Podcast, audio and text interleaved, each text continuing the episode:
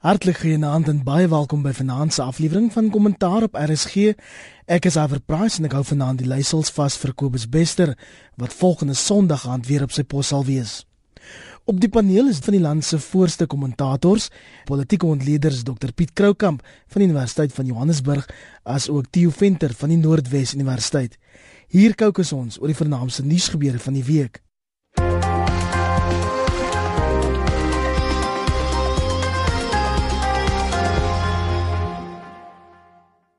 Die DALP daar in Couler Barnard is die naweek uit haar pos as die party se skare minister vir die polisie na 'n minder prominente posisie uitgeskuif en dit volg nadat sy 'n plasing op Facebook gedeel het waarin die apartheidspresident PW Botha geloof word. Tieu, ons begin by jou, 'n storm in 'n teekoppie? Ja, dit is 'n sekere sin 'n storm vir 'n teekoppie, maar daar's twee of drie lesse hieruit en dit is politici moet op hierdie stadium nou al weet um, hoe belangrik die sosiale media is en selfs al skryf jy nie goed nie en jy plaas goed is dit asof jy iets ondersteun. Dit was dit was haar groot sonde.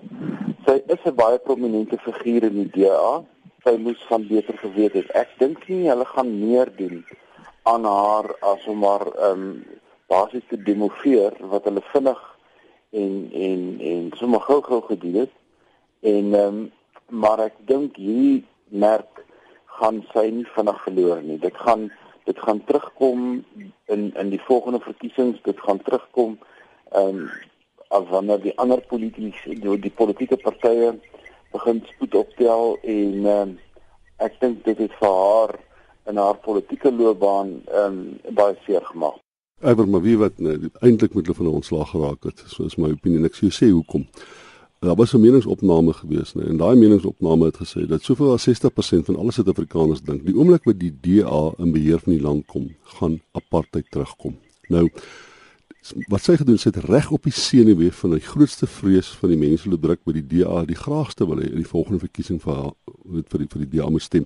Nou ek sê nie uh, die belangrikste rede hoekom vir hom ontslaam moet raak is juis omdat ek dink sy die party ondermyn het in die proses. Mense kan 'n lang argument maak oor PW Botha wat sy wil teruggee en die moraliteit van sê een of ander uh, belangrike nasionale partyfiguur wat 'n repressiewe figuur is moet terugkom. Dit dis dis die ander deel van die argument. Maar ek dink as jy jou eie party, jou eie maatskappy soveel skade berokken, dan dink ek moet hulle van jou ontslaa raak.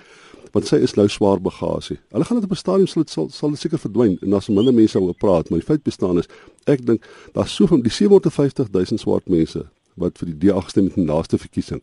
As van hulle almal sê, ek is jammer ek het vir die DA gestem na aanleiding van daai uitspraak want after all was die kritiek wat teen hierdie party gerig word, daar mag dalk substansie daarin wees. Dan is dit 'n geldige punt. Ek dink Musi Maimane kan nie die bagasie bekostig van 'n wit Engelse liberale politikus wat beweer apartheid was goed of moet terugkom nie. Hy moet as 'n party moet hy ontslaag geraak het vanaand. Die die Couler Barna drama het ook om nie die kolle geplaas op die voormalige DLR Helen Zille se rol in die party. Nou Zille het Couler Barnard opdrag gegee om die plasing te verwyder en dis meer as 'n uur voordat Musi Maimane hom daaroor uitgespreek het. Baie mense in die ANC gebruik dit ook om te sê kyk nou in soveel woorde, wie's eintlik die madam in hierdie party? Jou reaksie daarop? Nee, sy gaan verlang nog invloedryk bly soos wat Tony Leon ook informeel invloedryk is. Dit is hoe netwerke binne politieke partye werk. Ek dink Ellen Zille was miskien net baie skerper om op te tel wat die implikasies is wat onder andere deur Piet en deur Dawie verder uitgebrei het en uh, dat dit 'n so soort van 'n poging tot ehm um, uh skadebeheer, damage control was vroeg aan. Maar sy is in verdruk, sy die premier van die Weskaap. Sy uh sy 'n prominente um, leier binne die ANC. Sy is nie die hoof nie. Ek dink moes sy my man het daar geslaag om sy leierskap in die party redelik goed te vestig en ek dink die vinnige manier vergelyk net hoe vinnig die DA opgetree het in opsigte van hierdie uitlating teenoor wat die ANC dit wil doen en die ANC het ook al van hierdie probleme gehad um, met betrekking tot mense soos Paul Jordan ag jy kan 'n hele lysie opneem. En hoe traag en hoe lank hulle vat om werklik op te tree so in die In daai opsig moet as mens na die meriete van die saak kyk, jy vergeet nou wie Kohler Barnard is en wat sy oor OPW gesê het, het die DA vinnig opgetree, vinniger as wat die regerende party optree onder soortgelyke omstandighede. Ja, en, en ek moet dan ook vir jou sê, uh, Helen Zille is so 'n Texas gunslinger op Twitter. Nou ek moet sê het 'n reputasie dat sy baie vinnig is om om die waarheid te sê die hele tyd daarop sit. Sy gebruik Twitter soos wat Tabo Mbeki dink ek die internet gebruik het. Ek weet jy nie, niemand gaan nou gaan eerste wees voor voor Helen Zille. In ander nuus, die kantoor van die openbare beskermer is gevra om die beweringe van korrupsie deur die Amerikaanse beleggingswaghond te bekyk en dit oor die omstrede toekenning van Eskom tenders aan Hitachi. Hitachi daarvan aangekla dat hy 'n 25% belang op onbehoorlike wyse aan die ANC se beleggingsarm Chancellor House verkoop het om kontrakte by Eskom se Medupi en Kusile kragstasies te kry. Dit lyk hier rondom 2005 het 'n uh, Chancellor House 'n aandeel gekoop in Hitachi van ek dink is vir minder as 2300 minstens 200 000 dollar dink ek is, die syfer wat genoem word en dit 'n paar jaar later gekoop vir rondom ek dink 4 4.5 miljoen dollar verstaan. Maar dit was 'n 25% aandeel in 'n wêreldwye maatskappy, groot maatskappy wat vir miljarde rande se tenders uh, kan aansoek doen. Wat beteken is uit die aard van saak is daai bedrag is al klaar 'n bietjie suspisieus. Maar hoe dit ook al sê, en kort daarna het Chancellor House natuurlik die die die kontrak gekry of die ooreenkoms aangegaan met die regering en die ANC en die staat. Daar's kant aantekeninge gemaak in die dokumente waar daar duidelik staan dis 'n Chancellor House is op onbeveling van Eskom met 'n C gespel en onder andere die regering en die ANC. So dis duidelik is dit wat hulle in Engels noem is, is 'n visie projek, verstaan jy? Nou die uh, feit van die saak is die Amerikaners het dit ondersoek. Daar's 'n ooreenkoms aangegaan met Hitachi dat hulle 'n bepaalde uh, boete sal bepaal en dat die uh, die inligting oor die ooreenkoms is as aan niemand bekend nie. Maar hulle sal nie oor 'n bedrag betaal vir boete betaal as daar nie iets is wat hulle nie wil hê ons moet meer weet van die projek nie en die Amerikaners het nou met die ooreenkoms aangegaan omdat hulle genoeg bewyse het dat indien jy nie betaal nie kan ons die saak verder vat. Die feit van die saak is uh Eskom uh of Medupi is jare uh agter uh die proses. Dit kos ons miljarde miljarde rande meer as wat ons moes gedoen het. Die mense uit Tassie sal reeds bevind dat hy uh inkompetent was wat betref bepaalde werk wat gedoen word uh aan aan Medupi. En ons die belastingbetalers sit met gebakte pere hier en uh, ek dink ons het dit al in die verlede gesê dis 'n groot projek waar die ANC en die regering te naby uh, aan die vuur gestaan het soos met die wapenskandaal en ek vrees indien ons die kernkragprojek het as dit op dieselfde wyse bestuur word as daar dieselfde vorm van opportunisme en korrupsie is het ons ernstige probleme Itachi is amptelik aan niks skuldig bevind nie. Hulle het wel 'n boete betaal van 226 miljoen rand. Die ANC intussen ontken alles toe die proses wat Hitachi gevolg het, is bekende een in Amerikaanse reg en dit is om die speletjie te speel wat genoem word 1 2 3 blok myself. Nou as jy dan um, met hulle ooreenkomste aangaan, dan um, is hulle tevrede dat hulle dit vir jou um, uitgewys wat hulle ongelukkig maak, maar soos Piet tereggewys het jy jy sê nie jy skuldig aan enige iets nie. Ek wil net die historiese konteks ook 'n bietjie uitwys want dit is 'n lang storie hierdie. Dit het gebeur toe Mbeki nog ferm in beheer was. Dit het gebeur toe uh, Matthew Sposa wat vandag 'n baie mindere rol in die ANC speel, die tesourier-generaal was en Matthew Sposa was 'n paar jaar gelede onder groot druk om die aandeel wat hy bekom het in die Tutsi Suid-Afrika te verkoop juis vanweë die botsing van belange of juis vanweë die feit dat die regerende party wat nie die regering is nie maar so naby beweeg aan werk wat deur die regering of dan regeringsinstansies uitgegee word op tender en dis weer. Dit is net eenvoudig te naby en en en te gemaklik en dit is hoekom dit eintlik half jammer is dat die konstitusionele hof 'n week of wat gelede nie wou toestem dat daar bietjie fermer en bietjie strenger reëls op die befondsing van politieke partye is nie want wat Chancellor House is dis 'n struktuur wat die ANC gekommersialiseer het om sodoende fondse in te win vir die ANC. Die ANC word gekruis subsidieer deur die fondse wat wat Chancellor House um, kry. Nou waar ons vandag staan in 2015, het Chancellor House sy aandele reeds verkoop en daardie geld is reeds in Chancellor House en waarskynlik reeds deur die ANC gebruik. Met ander woorde, nie alleen het um, belastingbetalers betaal vir die transaksie nie, maar in 'n sekere sin het hulle ook indirek betaal vir die ANC se politieke veldtogte. Dit is hoe naby hierdie goeders aan elke mens in Suid-Afrika is. Toe maar wat wat wat my plaas in die as die antwoorde wat ons baie keer kry wat die gemiddelde mense intelligensie moet totaal onderskat en ons leef daarmee saam. Hierdie week het uh, Chancellor Rouse, Chancellor Rouse, ek sê altyd met die woord. Byvoorbeeld gesê, man, ons is nie so naby die ANC soos baie mense beweer nie. Ons uh, gee maar geld vir 'n politieke party soos wat enige iemand anders vir 'n politieke party soms sal gee, verstaan? En dis asof dit die, die argumente daarvan verdwyn. Dit, dit is so 'n belaglike argument en toenemend in ek dink in politiek Max de Preet ook op op 'n stadium bietjie daarvan kapitaal gemaak is. Kry ons antwoorde wat die gemiddelde mens onmiddellik moet verwerp wat politieke konsekwensies moet hê, maar dit het nie en dis asof ons dit as dit ware aanvaar, asof ons geen verwagtinge meer het van goeie bestuur nie. Geen verwagtinge meer dat die regering op een of ander manier moreel regverdig sal optree of korrek sal optree nie. Ons het nie meer daai verwagtinge nie. Ons eis dit nie meer van hulle nie. En op die ou end is dit die kwaliteit van demokrasie word so geweldig baie skade berokken omdat die burgery eenvoudig nie meer die pertinente vrae op 'n manier wat die regering in 'n posisie stel dat hy nie keuse het anders as om behoorlik te antwoord nie. Die media wat onder druk is op die oomblik, ons is nou al 'n paar keer wat ons daaroor gepraat het, tipies hierdie goed uitgrawe, goeie journalistiek soos wat Nyland Guardian oorspronklik gedoen het met met hierdie storie. Maar die die grootste draer van nuus is die staatsbeheerde ehm um, nuus en um, struktuur waaroor ons op die oomblik praat. En mense sou verwag het dat ook so 'n instelling 'n bietjie 'n groter kritiese afstand sou hê ten opsigte van hierdie soort van goed, maar ons gaan dit gewoon nie baie binnekort kry nie, eerder minder as meer. So 'n mens is eintlik aangewese op wat ons op die oomblik het. Ons is aangewese daarop dat oorseese instellings soos die Amerikaners korrupsie op 'n groot skaal moet uitwys en ons is aangewese daarop dat privaat instellings en burgerlike nie regeringsorganisasies soos wat in die geval van Al Bashir gebeur het eintlik die wet op 'n sekere manier toepas. Die toe ek die ander dag ek so 'n bietjie uh, op my een hand probeer tel hoeveel joernaliste is daar in Suid-Afrika wat ons dink wat ondersoekende journalistiek doen op die standaard wat dit vereis om my tassie se probleme uh, in die berde te bring. Jy kan vir op een hand tel.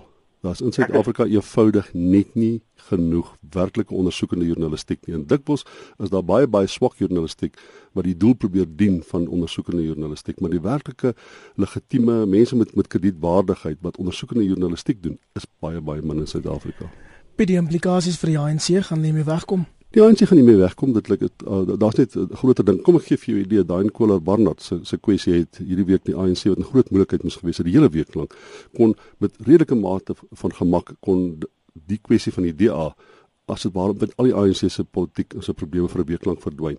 Die ANC gaan wegkom daarmee en die rede soos wat ons nou genoem het, daar's nie genoeg ondersoekende journalistiek nie, die burgery, samelewing stel nie genoeg pertinente vrae nie uh die regering en die ANC het uh, hierdie staat in die algemeen het eenvoudig net te dikwels weggekom met hierdie goed om dit met enige erns te begin en dit jy kan dit sien in die konteks byvoorbeeld van wat nou gebeur het met die 5000 mense of minder as 5000 mense wat in Pretoria opgedag het. Weer eens sê dit vir ons daar is eenvoudig nie genoeg momentum in die burgerlike samelewing teen armoede, teen korrupsie, teen swak bestuur nie.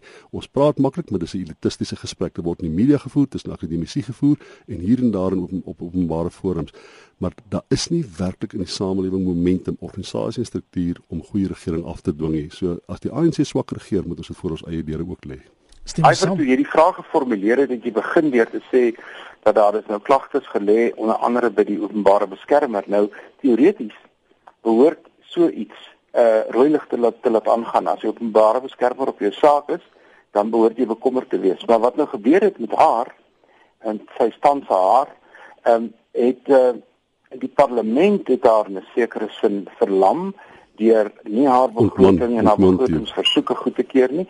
Die president het haar in 'n sekere sin verlam deurdat hy woer woer speel met die regsaake rondom Nkandla en alles wat daarmee saamgaan. So die een instelling wat eintlik daar gebou is in die demokrasie want dit kom uit die tradisie van 'n ombudsman wat die gewone belastingbetaler moet beskerm teen vergrype van die staat want hierdie is 'n voorbeeld van 'n vergryping van die staat wel op 'n indirekte wyse het ons in Suid-Afrika oor die laaste 3 of 4 jaar siender oë het ons gesien hoe haar hoe haar houvas en hoe haar greep eintlik verswak as gevolg van swak uh politieke bestuur eintlik 'n doelbewuste strategie van die Zuma presidentskap. En en Iwer, kom ons as ons ekstraplasie maak na volgende jaar te 2016 se verkiesing toe. Ten spyte van alles wat nou gebeur, ten spyte van alles waaroor ons praat, in volgende jaar se verkiesing gaan die ANC se steun indien oppositiepartye baie goed doen, daal tot by 61%. Dit is dit is die konsekwensies daarvan. Die vonke spat steeds oor die week se bekendmaking van die jongste misdaadsyfers en een van die land se polisiebaas, Ria Piega of Natin Shleko, het 'n duidelike plan van aksie op die tafel gesit nie.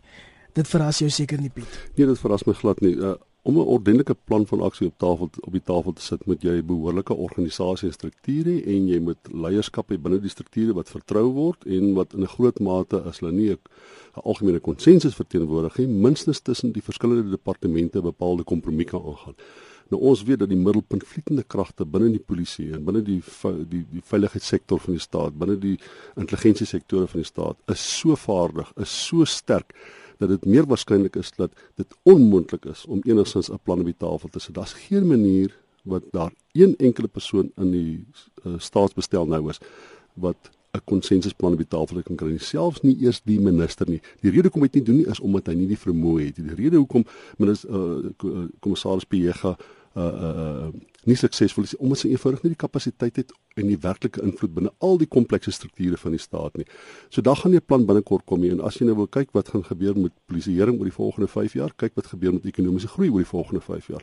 Ons gaan nie binne die volgende 3 tot 4 jaar 3% haal wat ekonomiese groei betref nie en die misdaad in Suid-Afrika sal korresponderend opgaan. Elke jaar 3 tot 4% sal moorde, geweldsmisdaad, verkrachtings sal 3 tot 4% opgaan want ons het nie die kapasiteit nie, ons het nie die konsensus nie en ons het op hierdie stadium tot aan die einde van waarskynlik die presidentskap van president Zuma het ons eenvoudig nie die politieke wil om iets daaraan te doen nie. As jy die president van die land was, sou jy gesê dit tot hier toe nie verder nie. Ek gaan nou al die generaals bymekaar op. Ek gaan al die strukture bymekaar kry. Sê kers, hoe los ons hierdie probleem op? Of ek stuur met uh, my my met 'n uh, uh, adjunkt president om dit te gaan doen. Daar daar is geen aanduiding dat politici dink dat hierdie probleem buite beheer is. Ons op hierdie stadium in Suid-Afrika maak ons 49 mense per dag dood in die Midde-Ooste, in die Wes-Afrika, noem maar 'n plek in in, in Suid-Amerika. Sal enigiets van daai mees militante, mees aggressiewe groepe sou enigiets wou gegee het om 'n daaglikse strykry te hê van 49 uh, mense dood te maak. Enigiets van so, they'll take it any day. Kom ons soek vir 'n bietjie goeie nuus tussen al die slegte nuus. Ehm um, ek is ehm um, ten spyte van alles wat gesê word word oor die misdaad statistiek, ek 'n bietjie oor die integriteit van die statistiek, uh, of dit of dit werklik waar ehm um, so suiwer en so skoon is as wat gesê word, veral vanweë sekere foute wat reggestel moes word in die afgelope week. Die goeie nuus is dat dit lyk asof die misdaad statistiek op streekvlak en op 'n eh, op op stadsvlak en op woonbuurtvlak soms tot groot hulp is van baie ehm um, baie organisasies wat probeer om 'n burgerlike bydrae tot veiliger woonbuurte en dies meer te maak. Dis in 'n klein deel van die land en ek dink mense moet erkenning gee aan die individue wat dit absoluut ehm um, doen sonder enige vergoeding, dit net doen omdat hulle 'n uh, uh, verbintenis het uh, aan die land. Maar die slegte nuus is waar hierdie soort strukture nie bestaan nie in die platteland. Ehm um, die die gebrek aan erkenning uh aan die staat se kant dat daar 'n verskynsel soos 'n plaasmoord is, dat 'n plaasmoord 'n ander soort van konteks het as 'n soort van 'n stadsmoord as mens die onderskeid moet maak, hoe banaal dit ook al is. Daardie probleme maak dat daar nie 'n behoorlike strategie ontwikkel kan word nie en ehm um, dan moet ons ook sê die die die kommissaris van polisie moet op hierdie stadium beklei vir haar oorlewing. Sy moet nog die president antwoord hoekom hy haar nie moet skors nie. So sy dink ek het nie nou kapasiteit vir groot misdaadstrategieë nie. En die minister van polisie is aangestel as 'n loyalis van die president. Ek dink gewoon net nie 'n misdaadstrategie is deel van sy verwysingsraamwerk nie. Ja, jy het julle gesien eh, die kommissaris Pierre gesê as hy die laaste jaar in een enkele woord kan omskryf is dit Eureka. Dis 'n ja. goeie jaar gewees. Hmm. Intussen het sy aangekondig dat sy 14000 konstabels en sersante tot die volgende vlak gaan bevorder. 'n Verdere 7000 konstabels en sersante met 11 jaar diens sal in die volgende geldjaar ook bevorder word. Wie dit herinner my aan wat die president onlangs gedoen het toe hy die salaris verhoog het van tradisionele leiers. Sy probeer op een of ander manier want ek moet vir jou sê die magte van buite om van ons laat raak raak nou redelik oorweldigend. Sy moet op 'n manier probeer sy om binne in die polisie steenbasis op te bou wat haar politieke situasie kan beredder. Jy sal onthou dat sy ook 'n klompie lede van die polisie, generaal so wat ek al gekry het in die parlement bepaalde steene na te gaan uitwy. Sy probeer dringend om 'n steenbasis binne die polisie vir haarself op te bou.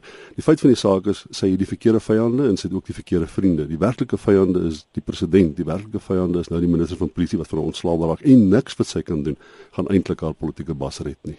En met haar tipe gebeur dit presies dieselfde as wat met Tuli Madonsela gebeur het. As jy nou mooi vergelyk as Tuli parlement toe gaan en sy moet voor die portefeulje komitee gaan getuig dan het sy 'n aanvallende gehoor van die ANC se kant af.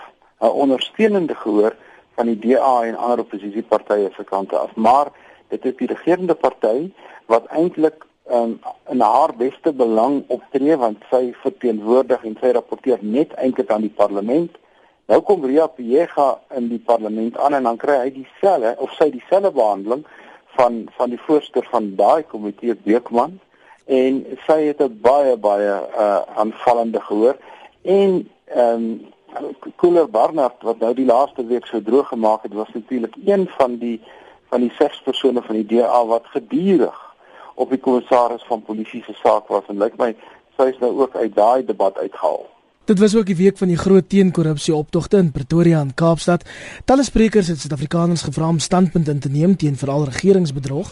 Die organisasie Vereniging teen Korrupsie glo 700 miljard rand het sedert 1994 weens korrupsie verlore gegaan, hoewel die organisasie Africa Check dit intussen in twyfel trek.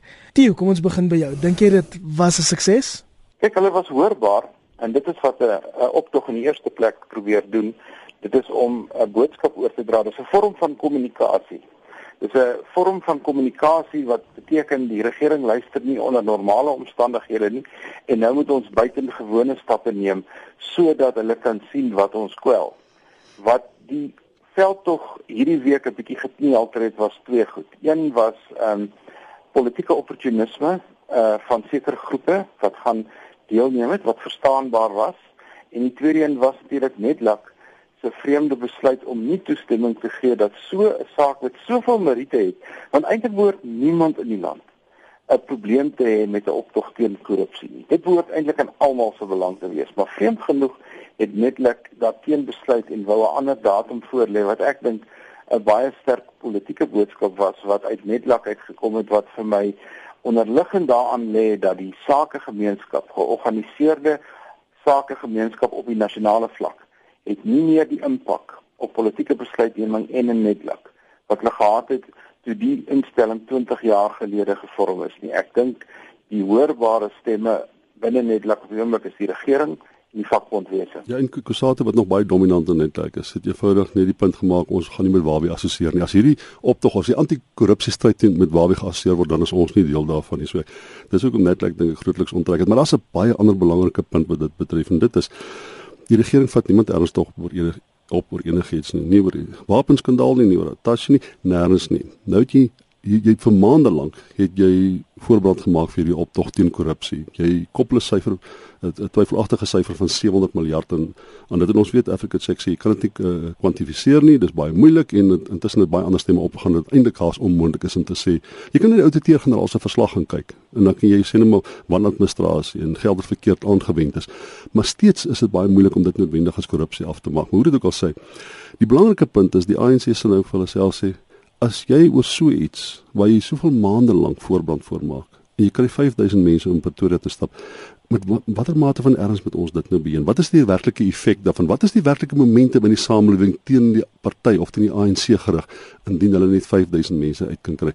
So al wat ek vir jou sê is ek dink dit was niks werd gewees nie. Dit was niks minder belangrik niks meer belangrik as enige ander optog op enige ander dag en waarvan daar duisende te, te loops in Suid-Afrika is nie. Dit het geen effek meer waar dit is dit legitimeer die ANC en die regering se opinie dat die hele ding van korrupsie opgeblaas is oor oordadig aangebied word en voor hulle deurgelê word vir politieke opportunistiese redes. Tio, dink jy dit sou 'n ander uitkoms hê as die optog byvoorbeeld op 'n Saterdag was wanneer ander mense nie gewerk het nie? Dis taktiese besluite daai. Um, en uh, dit sou ook uh, anders gewees het as die weer beter was. Ek verstaan dit het gereën in die Kaap en die weer in Gauteng was ook nie noodwendig die lekkerste om in te loop nie. So daai is praktiese goeders, maar as daar 'n as daar 'n soort van 'n opwelling van emosie is. Uh, Engelse verwys daarna as 'n ground swell. dan sal hierdie goed, hierdie taktiese goed nie werklike impak daai hê nie. As daar 'n werklike oortuiging is, sal die mense loop. Kyk, kyk wat het gebeur in ander lande in Oos-Europa en op 'n klomp ander plekke het mense. Egipte is 'n baie goeie voorbeeld. Het hulle vir weke het hulle um die die die plein beset en en geweldig baie ontbeer om 'n politieke besluit af te dwing as daar werklik 'n uh, 'n uh, soort van 'n opwelling 'n mobilisasie poging was sou dit beter gelyk het ek dink wat dit aanbetref skiet reg Ons beweeg nou na buitelandse nuus hier op kommentaar en president Vladimir Putin woon op die oomblikke uh, beraad in Parys Frankryk by om die verskille oor Rusland se militêre ingryping in Sirië te bespreek. Theo, wil jy die gesprek inlei? Ja, um, Rusland het 'n vreemde besluit geneem deur oënskynlik saam met die Amerikaners betrokke te raak in die militêre stryd in Sirië wat ons weet eintlik 'n soort van 'n burgeroorlog is. Ehm um, waar waar president Bashir in geveg is met verskillende groepe en die Amerikaanse en Britse betrokkeheid in Sirië het 'n sekere van aanleiding gegee tot die ontstaan van ISIS wat vir almal 'n kopseer is. Wat niemand weet hoe hanteer hulle hierdie nuwe staatsakteur wat wat moorde pleeg, wat wat wat optrede doen wat totaal en al buite die die verstaan is van wat menslikheid is, maar die Russe is nog altyd 'n baie noue ondersteuner van Bashir. En nou sê die Amerikaners dat die Russiese bombardering het uh, eintlik tot gevolg dat hulle die opponente van Bashir bombardeer en nie noodwendig ISIS nie. Dit is al baie die mekaar speel en ek glo nie iemand het 'n werklike uh siening wat op die grond aangaan nie. Dit is 'n wat wat gebeur wat ons wel kan sê is die die Siriëse probleem wat 'n uitvloeisel is van die Arabiese lente van 'n paar jaar gelede het nou twee groot uitkomste, eintlik drie veroorsaak. Die een is natuurlik totale onstabiliteit in die Midde-Ooste wat ISIS insluit. Die tweede een is hierdie ongelooflike migrasie van Siriërs deur Turkye tot in Europa wat 'n totale chaos veroorsaak in Europa en die derde een is 'n nuwe spanning tussen die Amerikaners en die Russe. 'n Ander ding wat die Amerikaners hulle 'n bietjie van 'n slegte geskiedenis met met die moslim geloof ook. Hulle het al veral in Afghanistan hulle oorlog daar het hulle vingers verbrand of het hulle tipe van 'n genetiese nydigheid uh, opgewerk vir, uh, vir vir vir bepaalde moslimgroepe en ek dink ISIS is nou op hulle lys. Ek het vanmôre, ek weet nie hoe uh, korrek die bronne is, het gesien uh, daar's beweringe dat ISIS nou 'n werklike pak slaag gekry het nou dat die Amerikaners en nie Russe as dit ware saambom. Die verskil tussen die Amerikaners en die Russe het nou so ironiese trant geneem. Die Russe, die Amerikaners sê vir die Russe, julle het nie die intelligensie uh dienste uh, of kennis of die strategiese vermoë om uh, uh om op so 'n manier te bombardeer dat julle presies julle teikens bereik nie. Julle is indiscriminate. Julle bombardeer omtrent alles wat voorkom nou sê hulle. Nou dis die feit bestaan hulle is nou saam in 'n oorlog betrokke waar hulle mekaar om strategiese redes afmaak vir een is beter as die ander een. Uh maar uh, as as die ding nie nou binnekort besleg word nie, nou dat die Russe en die Amerikaners omtrent as dit ware op 'n indirekte manier in dieselfde kant is van die saak nie, dan weet ek nie wanneer dit gedoen gaan word nie. Ook volgende hospitaal van Dokter Sonder Grense getref die. Ja, dit is een van die tragedies van die oorlog en ek uh, wil terug verwys na die punt wat Piet vroeër vanaand gemaak het oor hoeveel mense in Suid-Afrika sterf ten opsigte van misdaad. Dan dan verstaan 'n mens hoekom um, oor sosiale media rapporteer dat Suid-Afrika eintlik in 'n in 'n staat van oorlog is. Mense net kyk na die gevalle, maar dat die dat 'n hospitaal getref is, is baie tragies. Daar's geen verskoning daarvoor. Die ongelukkig gebeur dit in elke oorlog en net dit uh, al dikwels in die verlede ook gebeur, maar daar's geen verskoning nie, maar dit wys net uit met watter tragedie sit ons opgeskeep. Op 'n heel wat ligter noot wêreldbeker rugby nuus, die Springbokke het Skotland en Newcastle in die noorde van Engeland met 34-16 geklop. Die rustydtelling was 20-3. Gaan hom nou 'n bietjie beter met die bokke, Piet. Ja, hulle het, hulle het, hulle het vir Skotland se beespan gewen met dieselfde rugby wat Bierman van Sail en naas Botha destyds so effektief gemaak het in Suid-Afrika. Maar of dit jou na die volgende fase gaan neem, dit is 'n moeilike vraag. As jy kyk na die wedstryd wat net daarna plaasgevind het tussen Engeland en Australië. Ja, dit was op 'n ander plek. Die balvaardighede, die manier hoe in spasies ingehardloop is, die wyse waarop die agterlyn aangewend is, veral by die by die by die afbreekpunte, hoe geweldig effektief Australië by die afbreekpunte was. En daar was net niks van dit in die Suid-Afrikaanse wedstryd gewees nie. Ja, dit is soos 'n beespan wat by die voorwedstryd gespeel het en Engeland en Australië die hoofwedstryd gespeel. En as ons ons kan nog vir Wallis in die volgende ronde waarskynlik wen want lyk my ons ons stuur daarop af om vir Wallis uh aan te vat maar nou daarna het ons moeilik. Ek het nou die Ossie se naam vergeet wat die balle so gewen het en toe dink ek daaraan ons sit met iemand in Suid-Afrika met naam van Heinrich Persou wat presies dieselfde soort spel speel maar lyk my ons afrigter dink nie dat hy springbok materiaal is nie. Wat dink jy van ons kaptein, regte man? Ja, ek dink ons kaptein is die regte man. Dit is vir my jammer dat hulle by 'n wêreldbeker gebruik moet maak van semi-afgetrede rugby spelers. En mense wil hê dat hulle 'n kaptein vir hierdie ronde moet aanwys wat in sy middel 20's is wat vir die volgende 4 of 5 jaar 'n rol kan speel in rugby. Wat ons dus nou doen of ons nou vir Matfield gebruik en of ons vir Jean op 'n afstand gebruik en of ons nou vir ehm um, vir die huidige kaptein gebruik. Hulle gaan na die wêreldbeker nie meer rugby speel nie. So ons belê eintlik in niks. Jy weet as jy as jy 4 jaar lank voorberei vir die wêreldbeker en jy daar by die wêreldbeker op en jy het probleme as jy te veel ou mense in jou span het. Maar ek moet vir jou sê die beseringspook is ook dan daai gode is ook goed vir ons gewees want uh, beide John en uh, Victor Matfield is intussen op die kantlyn en selfs uit die wêreldbeker uit wat eintlik maar 'n kans gee vir die ander ouens of om jou determineer jou span seleksies, dit jou keuses, jou span keuses. En 'n sekere uh, sin uh die werklikhede kies nou die span vir ons as daar's nog een ou man oor en dis die skramskakel en hy het hom net te sleg uh, te sleg hy het dit goed gedoen die afgelope. En die ander die ander deel van die wêreld uh Iwer sien ek ook dat ons oor die naweek ons eerste T20 cricketwedstryd gewen het in uh, in Indië nogal nogal oordentlik. Jy het bedoel om gewen vir vir Indië het 'n het 'n het 'n groot telling van 199 opgesit en ons het met met veral twee twee mense Vardien en uh, eh, JP Dumini het ons uh, het ons die oorwinning beklink. Nader aan kommentaar se oorsig, so bespreking van die vernaamste nuusgebeure van die week. Ons groet tot volgende week wanneer Kobus Bester weer terug op sy pos is. Die paneel vanaand Dr Piet Kroukamp van die Universiteit van Johannesburg, asook Theo Venter van die Noordwes Universiteit. My naam is Iver Price. Lekker aan verder.